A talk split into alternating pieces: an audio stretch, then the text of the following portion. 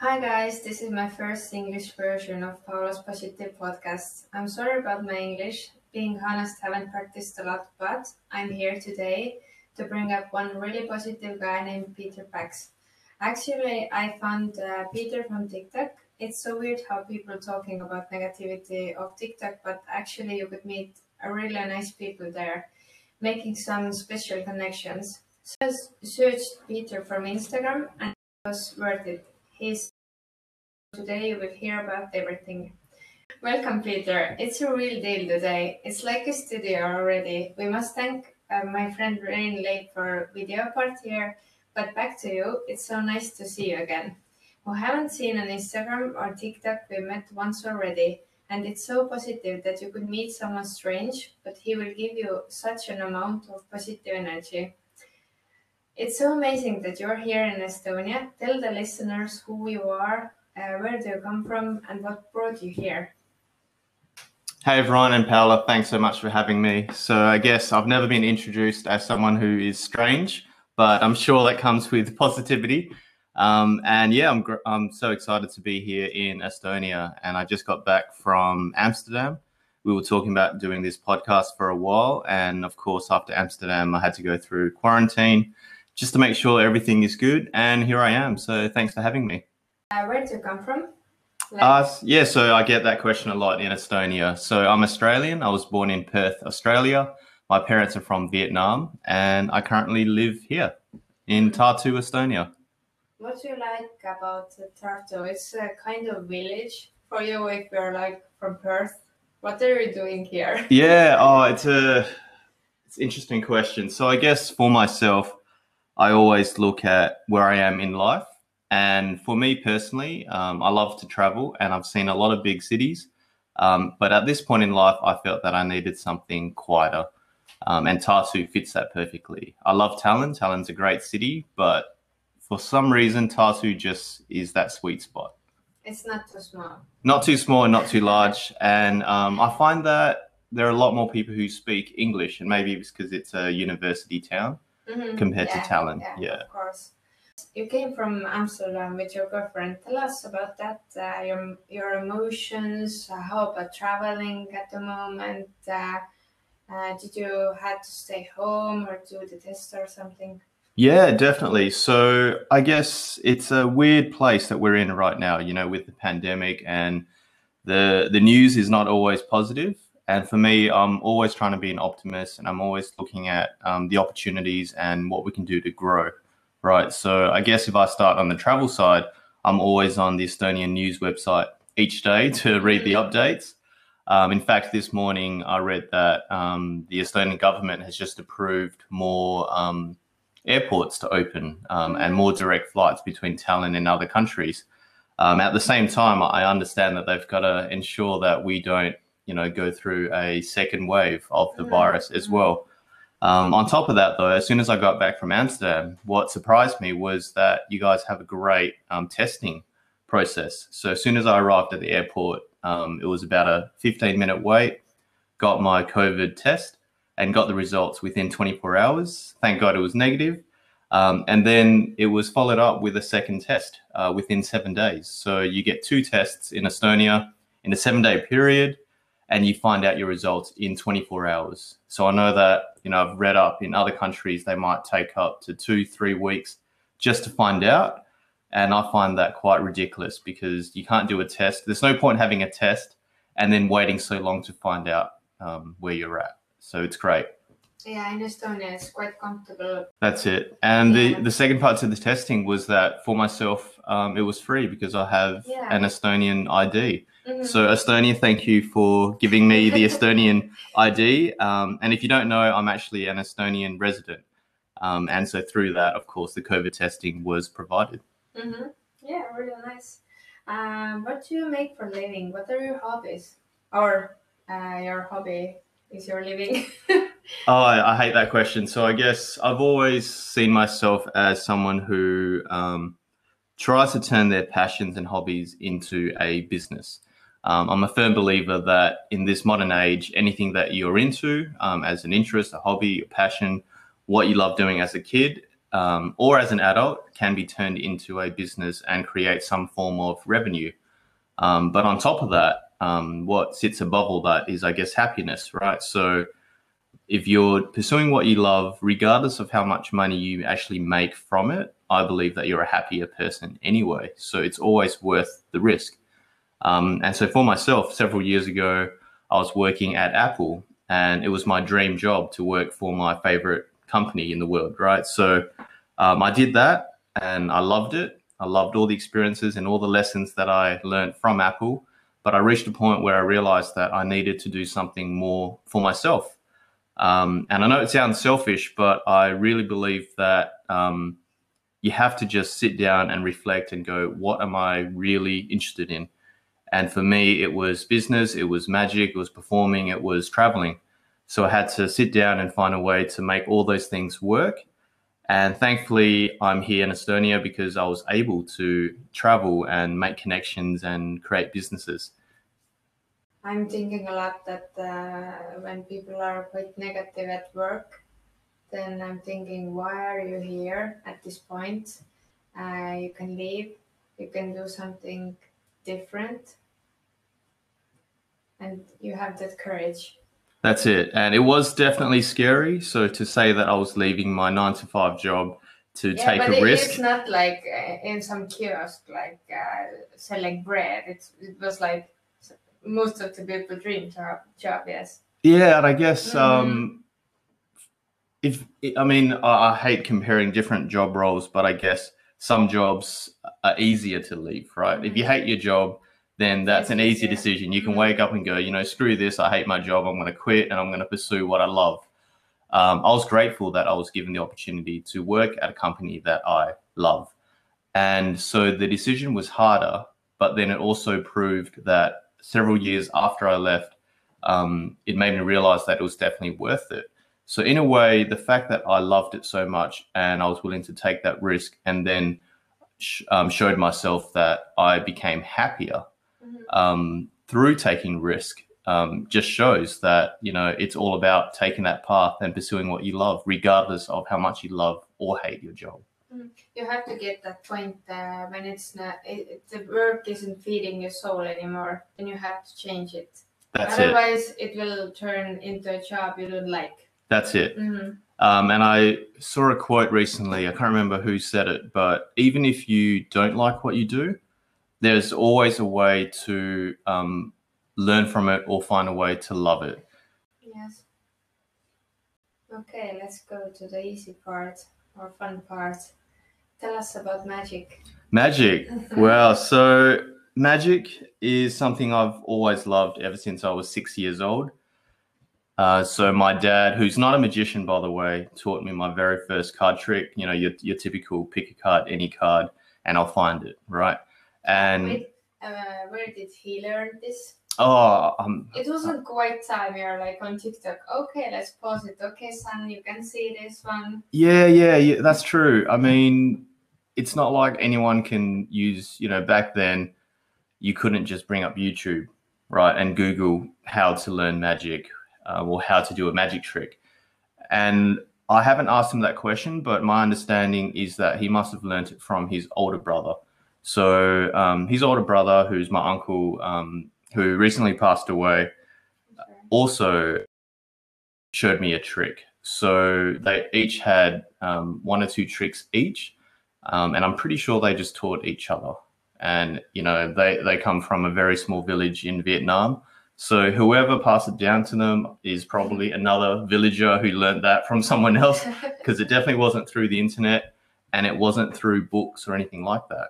Um, but it was that very first trick that got me into magic um, at a young age. So I stuck with it. And then it was only in my teens and early adulthood that I realized that what I was into was quite different and quite unique. Because for me at the time, it just felt normal. It was something I enjoyed doing. Um, and in my spare time, it was what I did. I read up books on magic, I would go to the libraries. Um, in fact, I had three or four different library cards. So I would go from one library to the next because at one point I realized I was going through all the magic books that were available. I mean, there weren't that many to begin with anyway, many magic books Yes. in each library. But as I was going through each one, I realized that hang on, this is not um, normal. It's not common because all my friends were playing sports and things like that, and here I am just at home playing with a pack of cards. Um, but I soon realized that I was able to, I guess, turn it into something that paid me. Um, and I did that when I was an adult, you know. So, you know, as a youngster, it was always a hobby. As an adult, I realized, hey, this is something quite different and unique, and I can monetize it. Maybe if you're from Vietnam, there was uh, no kind of internet or like we have now, we can search everything. Maybe it was like meant to be some kind of traveler passed through the village uh, and you had to like learn this. And now you are here, you are performing. Yeah, I mean that sounds great. I hope I um, end up finding it. You know, in fact, now that you say that, as soon as we finish this, I will go call my dad and ask him. You know, where did he learn that card trick from? But hey, yes. That's it. If it was some random traveler or some dude in the village who was passing through and taught my dad a trick, and then he came all the way to Australia and then taught me that trick, that's full circle. And here I am now performing magic. And it could be from some random occurrence that my dad had.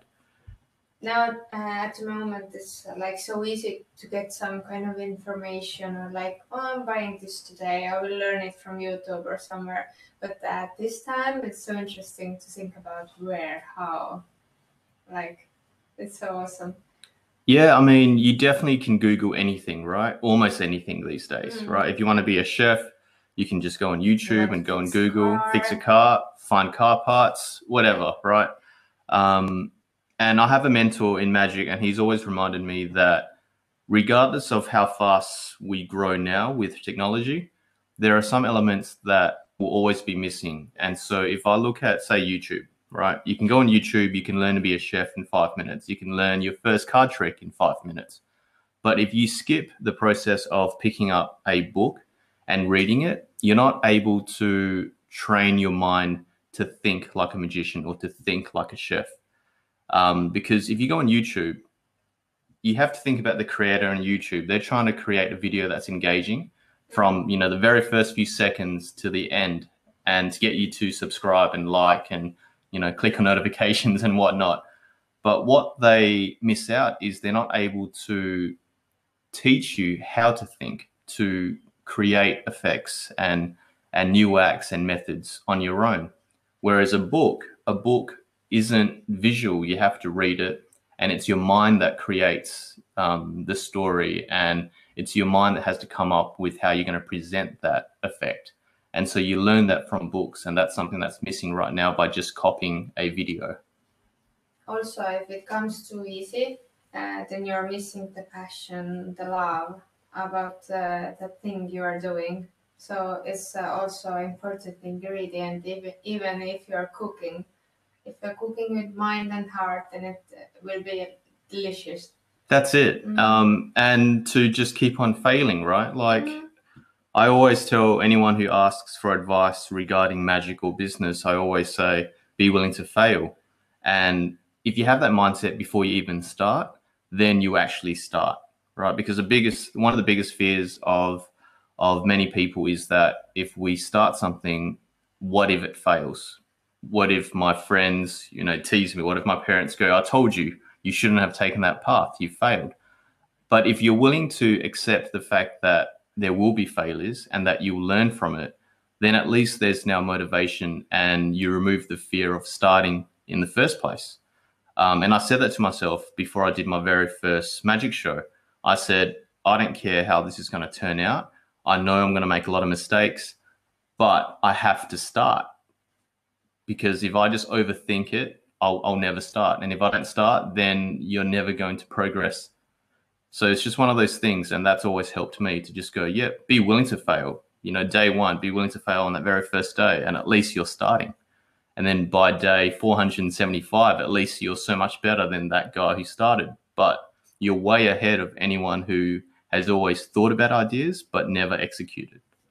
yeah it's Definitely. Mhm. And you're spot on. I always look at well, I, we're still in a pandemic, I guess, and I I've always seen it as something that is an opportunity. Mhm. right? So a lot of my friends, some of them um, had to leave their jobs or um, were laid off, and I just said that, well, now you have you know two months, three months, four months, five months. You don't know how long you have off work, and if you've been complaining over the last few years that you don't have time to start a hobby, a passion, um, or learn a new recipe, now you have the time do it now or stop whining. That's it, right? I mean, it's such a great opportunity right now that we're all able to mentally reset, spend less hours um, in the office, you know, have the ability to work at home and have more time. Um, so if you're not starting what you love, then it's it's you. That's the problem, yes. right? You are the whiner, not the doer. That's it. And I think for a lot of people, um, if you get caught in the whole nine to five routine, pre pandemic, I understand that there's very little time. So I feel that regardless of how busy you were beforehand, this now gives you that chance to go, cool, I have that extra half an hour, I have that extra hour to do some reading, to learn more about what I'm interested in. And the other part is to start something completely new, right? I'm sure a lot of people during the pandemic realized that, you know, screw this, after the pandemic, I'm not going to be an accountant, I'm going to be a chef right? I'm sure the pandemic has created a lot of chefs, a lot of writers, a lot of um, whatever actors. Like who, who knows what what comes out of this? But I think it's such a great opportunity for us to go. What do I really care about? And and let's give it a shot. Okay. And no one's there to judge you, right? Yeah. No. Uh, but uh, what was the best thing that happened uh, to you uh, while you were quarantined or while COVID? Um, Interesting. So I realized that I wasn't that affected by the pandemic. And what I mean by that is before coming to Estonia, I knew that coming here was for um, for a bit of peace and quiet, for time for me to self-reflect. And then the pandemic hit, and then we're all asked to, you know, um, stay home, be safe, and um, socially distance ourselves. And it didn't affect me in the sense that I was chasing that anyway. Um, and what it did was I realized that I wanted peace and quiet. I now have it, but now it's on me to use that time productively. And I realized that it's so much harder than you think, right? You get given this time, you you you get told that okay, you're now at home for the next three months you have the time, but now it's you and your discipline that's going to wake mm-hmm. up in the morning yeah. to to start that book, to start that podcast, to learn that new magic trick, to start that new business, and it's so much harder. So yes, we have more time, but we just have to be honest and go, am I using that time?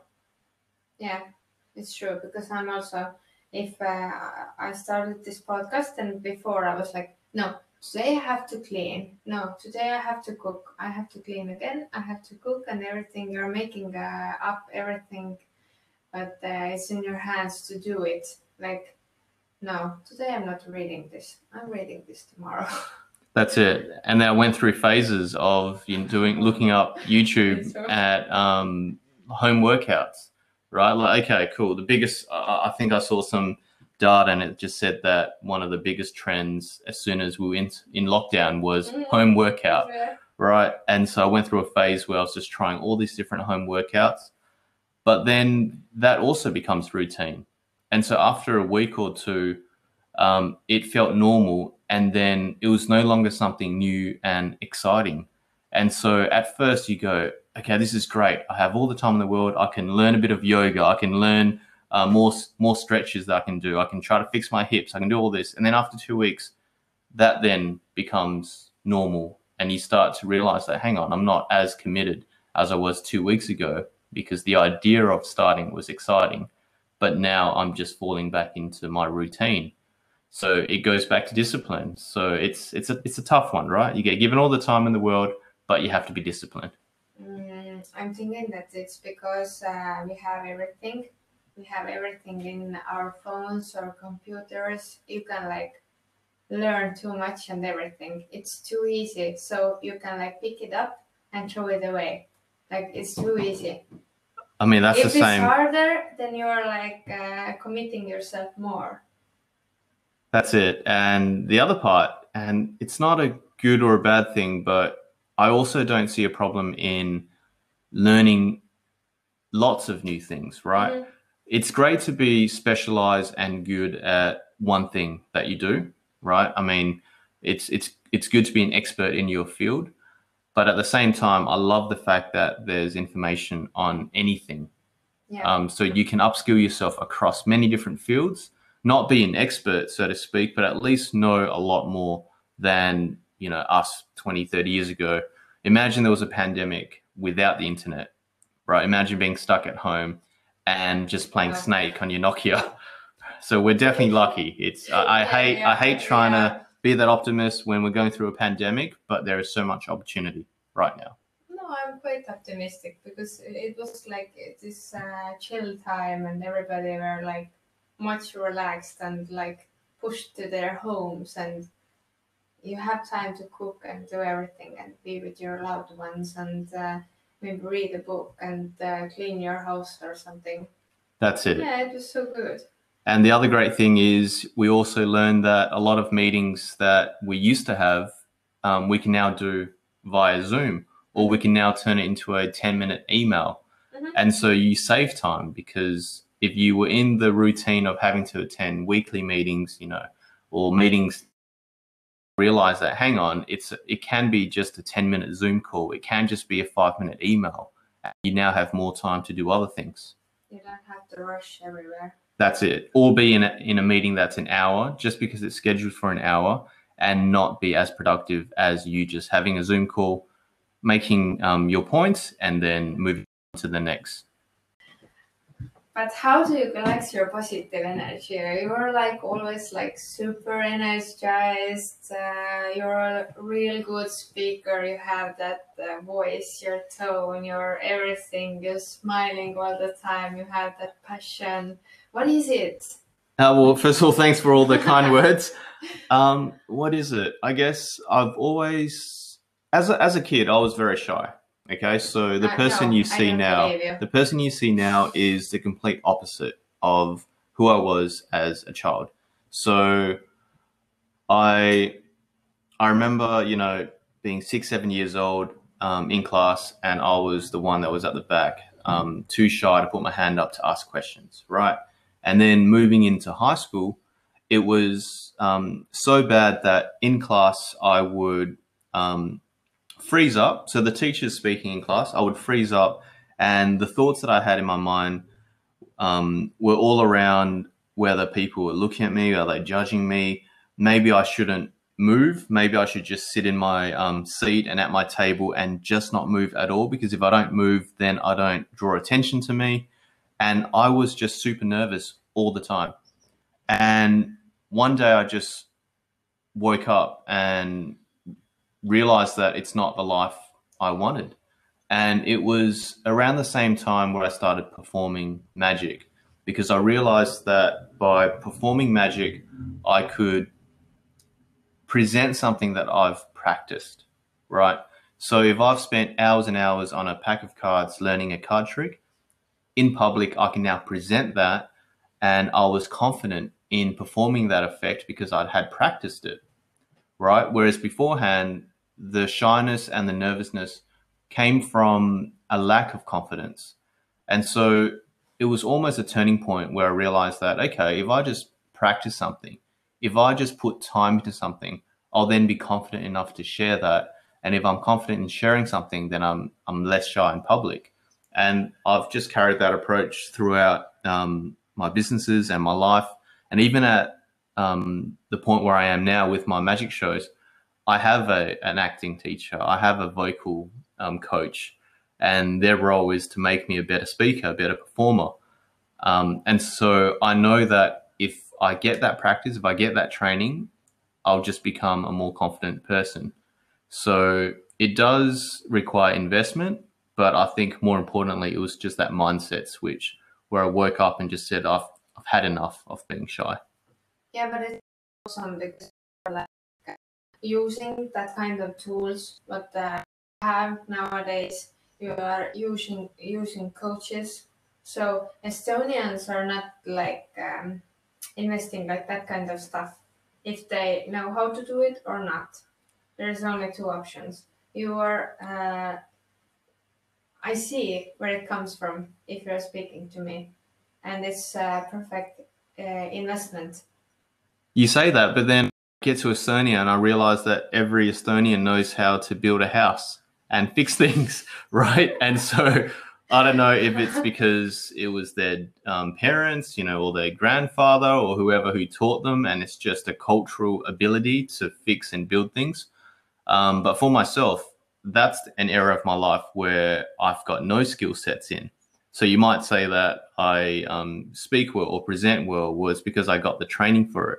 And so if I come here and I need to build a house, I would have to get someone to train me in building a home. And I know that at this point in my life, someone who um, has built houses and fixed houses in their family for the last 20, 30 years of their life, um, I'll never be able to compare to that person. So it's just easier to have that person build the home for me. Right. So I think, you, again, you have to go back to what you know your strengths are and what your weaknesses are. And because I knew I was shy, I was like, cool, who do I who do I work with um, to help me become less shy? Okay, I'm not great at acting. Okay, maybe I just need to confront that and find an acting teacher who will help me become a better actor. And um, acting for me was never to um, present a character that wasn't me.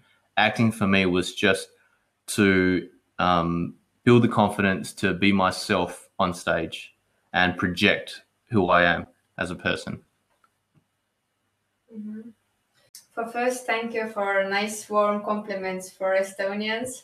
It's nice to hear about. How about your free time when you're not working? How do you spend time with your girlfriend? Because uh, we have to mention her, otherwise you will have many direct messages. uh, I'm seeing from TikTok you're like spending time together. You're like going into nature or something. Yeah, so um, you've seen through my social media that I love love to travel, and so I've always set the goal of trying to find reasons to travel. So at first, when I was traveling, um, I was a backpacker, and it was all about how many places I can see. You know, how many um, islands can I visit in Southeast Asia? What can I do to be a traveler, to be a backpacker? Uh, I interrupt. Are you a city traveler or nature traveler? a bit of both. I had this debate recently, and I was actually confused um, with what I actually like. So, I love big cities.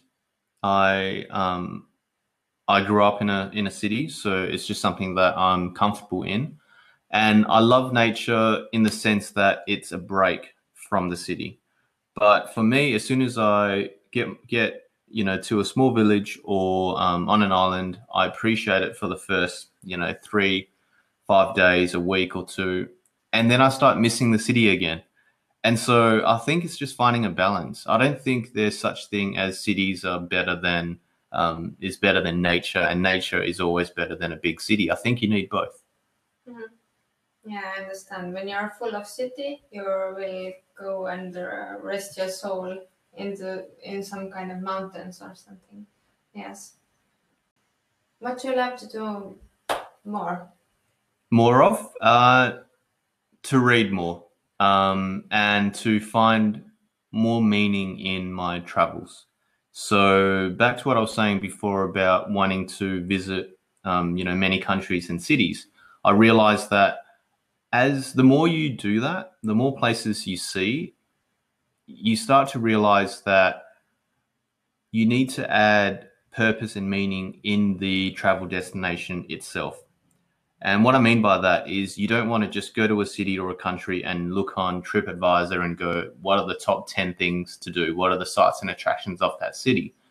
So for myself, if I do do a Google search, I might Google what are the top magic shows around the world? What are some of the um, business expos and seminars that are happening around the world, and then use that as the reason to travel.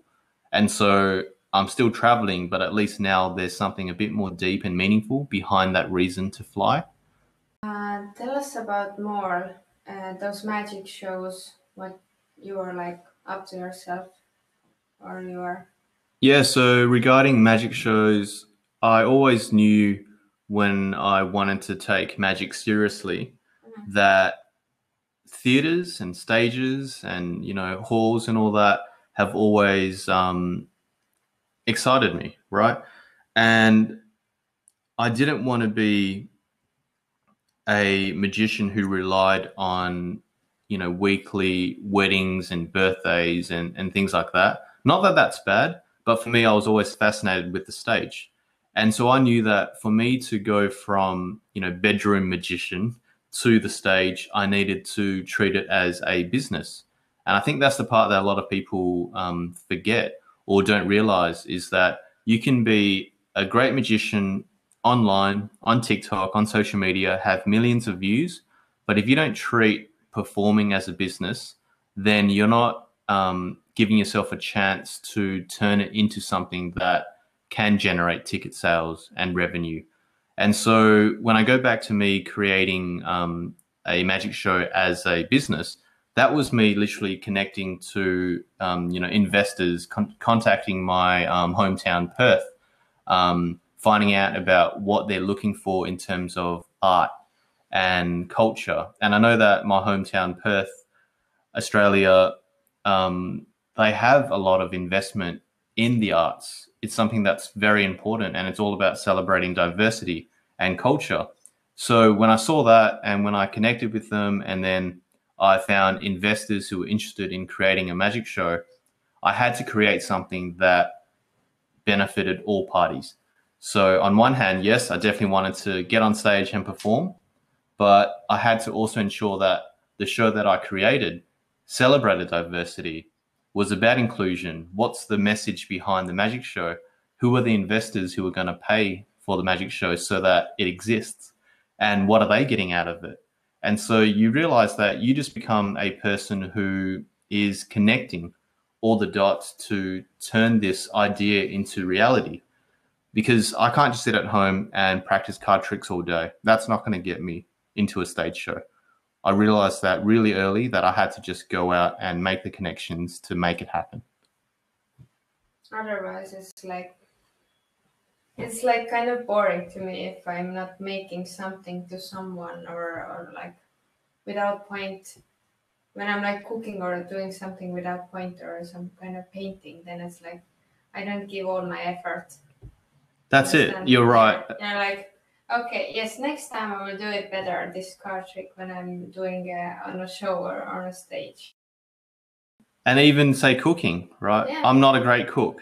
You know, I would admit that. But if I've got guests coming over, I do go on YouTube. I do want to learn a few tips and tricks to make me a better cook so that I can um, be a great host. And, and so there's reason behind learning how to cook. It's not for myself. And so that's the same with say magic. As as cool as some tricks are, and you know, I love coming up with new ideas. I always have to. It I find it more meaningful when I go, what is the audience going to take away from this act or this show? And I go back to some of the feedback or the the people that I meet after the show, and um, the most memorable moments with the audience um, are from people who talk about the messages in the show that resonated with them, not the tricks. So I'm past the point where people go up and say, "Hey, great tricks! You know, how did you do that?" That's something that excites you um, when you first start out. But I'm at a point now where I appreciate people coming up, going, "Hey, that story that you told me about your parents and their their struggles and their journey across the seas to make it to Australia as immigrants, that resonated with me." And I prefer those conversations Mhm. more than the tricks themselves. Yeah, trick videos you can look look up from YouTube also. That's sad, right? Yeah. I mean, Yeah, we're living in a world. That's it. We're in a world now where you go on TikTok and it's about creating a five to 15 second video that is highly engaging. And so, what happens in that is that the tricks or the video edits and all that get your attention. That's that's their goal to get your attention. But a lot of times you find that there's now a lack of meaning and purpose behind that trick. Mhm. I understand. But you are like so super uh, good at this. How? You have like so many followers on TikTok and uh, likes almost million. It's oh, it's I'm I'm still Wow. quite surprised, and I guess because I, I I look at the the data and the analytics behind my account, right, and I realized that um, a quarter of my viewers are Estonians, and so I have to just think, you know, here's a guy who's obviously a foreigner in this country. You know, I'll post a selfie video of myself doing a trick or walking through Tartu or going to Yeah, Haapsalu and all. Hi, Peter. Yeah, nice that's it. See you. Like, hey guys, it's It's Peter. here I am in Haapsalu, or here I am in Pärnu. And, you know, when I say that, I get all these Estonians who love the fact that I'm in Estonia. Mhm. Um, and on top of that, I have all these Estonians who tell me that I'm not pronouncing the cities correctly, right? So I can't, I find Estonian a really hard language. Um, but aside from all the messages of Estonians telling me I'm not speaking um, correctly, I get a ton of support um, from Estonian viewers. And I'm grateful for that. Like, I, I had no idea that, um, first of all, I didn't even realized that TikTok was location based, right? I thought that by setting up a profile as an Australian, that naturally I thought that my videos would go out to Australian viewers. But instead, I'm, I'm guessing it's the fact that because I'm physically located in Estonia, that my videos pop up um, for Estonian viewers. And so most of my viewers are Estonian. Yeah, and I guess to answer your question around how I'm able to um, do well on TikTok in Estonia, um, it comes back to me celebrating and appreciating the fact that I'm able to see all these towns and villages and Mhm. places in Estonia. And if you go through the comments of my videos, a lot of the comments you'll see are people, Estonians, Mhm. going, "Oh, finally, someone who's you know um, positive about Estonia." And I, I get that a lot. So it just makes me think that okay, well, what about all the other videos in Estonia? Are people um, talking negative about about the country? And I always remind them. So whenever someone comments, "Oh, thanks so much for you know your positive comments about our country, etc." I always tell them that if you are grateful enough to travel and see different places, you realize that the world is amazing. And if I travel, if I leave Perth to another country, I, I want to explore that country and learn about that country, right? To a point where I realize that I now know more about different countries than my hometown.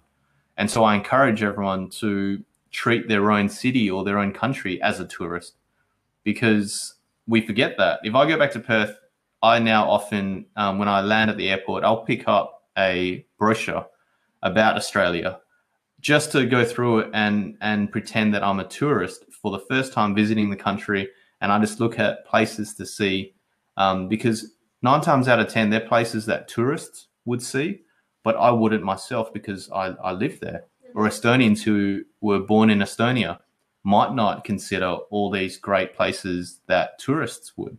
And so the tourists end up seeing more of the country than the people living in it. Yeah, that's a good point because uh, sometimes I'm like exploring in Instagram for pictures, then I'm saying, "Ooh, nice, ooh, nice view. Oh, this is Estonia. Okay." That's it, right? Yeah, you you will see it from through some other people eyes different. Like if you're on the street and looking this, okay. And the other part is people don't realize that you get used to where you live. It doesn't matter where you live in the world, it becomes routine. And so anything different is always exciting. And so, of course, it's natural that if you live in Estonia, that Australia or Thailand or Vietnam or Paris is exciting because it's different. Um, but I'm just here to remind everyone that I'm showing you, I'm showing Estonians how great your country is. And you live down the road, so you could also go to these locations that I'm filming in. And so it's just that reminder to just be grateful for where you're at and the beauty that is around you because you forget that. And I do it all the time. And that's why I always try to remind myself and others to just treat your own place as a tourist. Yeah, maybe you are so popular in Estonia that people will see your point that this place is beautiful and come on, see it. Uh, but you've been traveling a lot. How many destinations do you know? Um, I've lost track, and and I say that because back to my backpacker days, um, and that's how a lot of people start traveling, right? You you buy a backpack, you look at the cheapest destinations to fly to, the places that have the cheapest food and accommodation, and you do that. And the goal is to see and immerse yourself in as many places as possible. Because I'm happy for you that you you've lost your track. Yeah, yeah. So I stopped counting the number of places I've been to and the um, number of kilometers I've traveled because I realized that when I first started traveling, it was about how many places I could visit, how many countries can I tick off. But if you set that as a goal, I mean, first off, it's great to have that goal because you, it encourages you to start traveling in the first place. But then I realized that I started missing a lot of places that I've been to and so if your goal is purely to visit 20 countries, 50 countries, 100 countries, what happens when you're at, you know, your 67th country, but there are 15 countries that you really miss that you want to go back to? Because it's almost like if you go back to them, they don't count because you're not able to now say I've been to 68 countries, 69 countries. And so I reached a point where I had to just stop counting and just revisit places that I love. And so then it doesn't matter how many countries or cities you've been to. Because if you love a place that much and you go back seven times, then do that. Or you want to stay there, like. That's it. If you love a place so much, you want to stay there. Yeah, you're spot yeah. on. Um, and that's happened a lot of times for me, where I think over a three four week period that I'm going to see this many cities, this many islands, etc. And then I fall in love with a place and end up staying there for a longer period. And that should be something that you celebrate. So I always tell people don't worry about how many places you've seen because if you love a place enough, stay. Um, and if you love a place enough to go back to, then then do it. It's not about how many more places you, you can visit in your lifetime. Uh, but where is your uh, dream destination? That's a hard one because it always changes, mm-hmm. right? So you will go there, and then you're, oh, okay, I want to visit this country also. That's it. And the other part is, I realize that for my person personality type, I like variety, right? So I always want to experience new things, new places, etc. And I also know from experience um, that what you imagine a place to be like is often quite different to how it really is, right? So, for example, um, say Santorini, right? It was a dream of mine to go to Santorini, and it's an amazing place. But then people forget that when you go there, you're trying to take a photo of the sunset with like 900 other tourists. And so the photos are always so much prettier um, and they look more isolated than how it actually is. Mm-hmm. And so I'm not saying that Santorini is not a not a place to go to. It's it's amazing, but it's often different to to the postcard that you see in travel agencies. Okay, we have a lot to speak about. I think we have to do another uh, podcast episode also soon. But uh, please give us a book, movie, or podcast recommendation. Okay, so since we're talking about traveling, uh, the book that had the most impact on my tra- travels is The Beach. Um, and I feel so bad because I can't remember the um, the author's name. Um, Don't worry, we can Google it up. Yeah, uh, all I know is, yeah, his surname is Garland. Can't remember his first name. So the book, The Beach, um, that book inspired the movie The Beach um, with Leonardo DiCaprio, and in the movie they um, go to Thailand to to film the movie, um, and it's all about travel, and it's all about backpacking, and it's all about finding paradise. And so the book and the movie are two of the things that inspired my travels in the first place. Um, so I have those two things to thank for because it just ignited this this um, reason this um, spark to travel and see the world. And you said podcasts. So My favorite podcaster right now would have to be Gary V, Gary Vaynerchuk, Mhm. because he talks a lot about positivity. He talks a lot about being grateful and he talks about executing, right? So it goes back to whatever you're into, whatever your passion, interest, hobby is, don't overthink it. If you care about it, execute and start. And while you're executing and starting, be grateful um, for that journey that you're on. So I love his podcasts. He has a lot of um, good lessons in it, um, but a lot of wisdom and practical advice at the same time. I find that a lot of business podcasts that I listen to motivates you, but doesn't actually give you any tools to work with. But you listen to a Gary V podcast and you get both. Yeah, super nice recommendations. Thank you. And uh, thank you for the opportunity to speak up with you. It was so positive. I, I I'm thinking we have to do a next episode also because there is a lot to lot to speak about more. So, uh, where could people connect with you? Where they can find you? Yeah, so you can go to my website, um, peterpax.com. So Peter, P A X.com, or just search me on Instagram or TikTok and you can find me there. Yeah. Thank you. And thanks again for having me. And again, I'm just blown away by the reception of Estonians. So, Estonia, thank you so much. Aw, thank you. High five. Woo.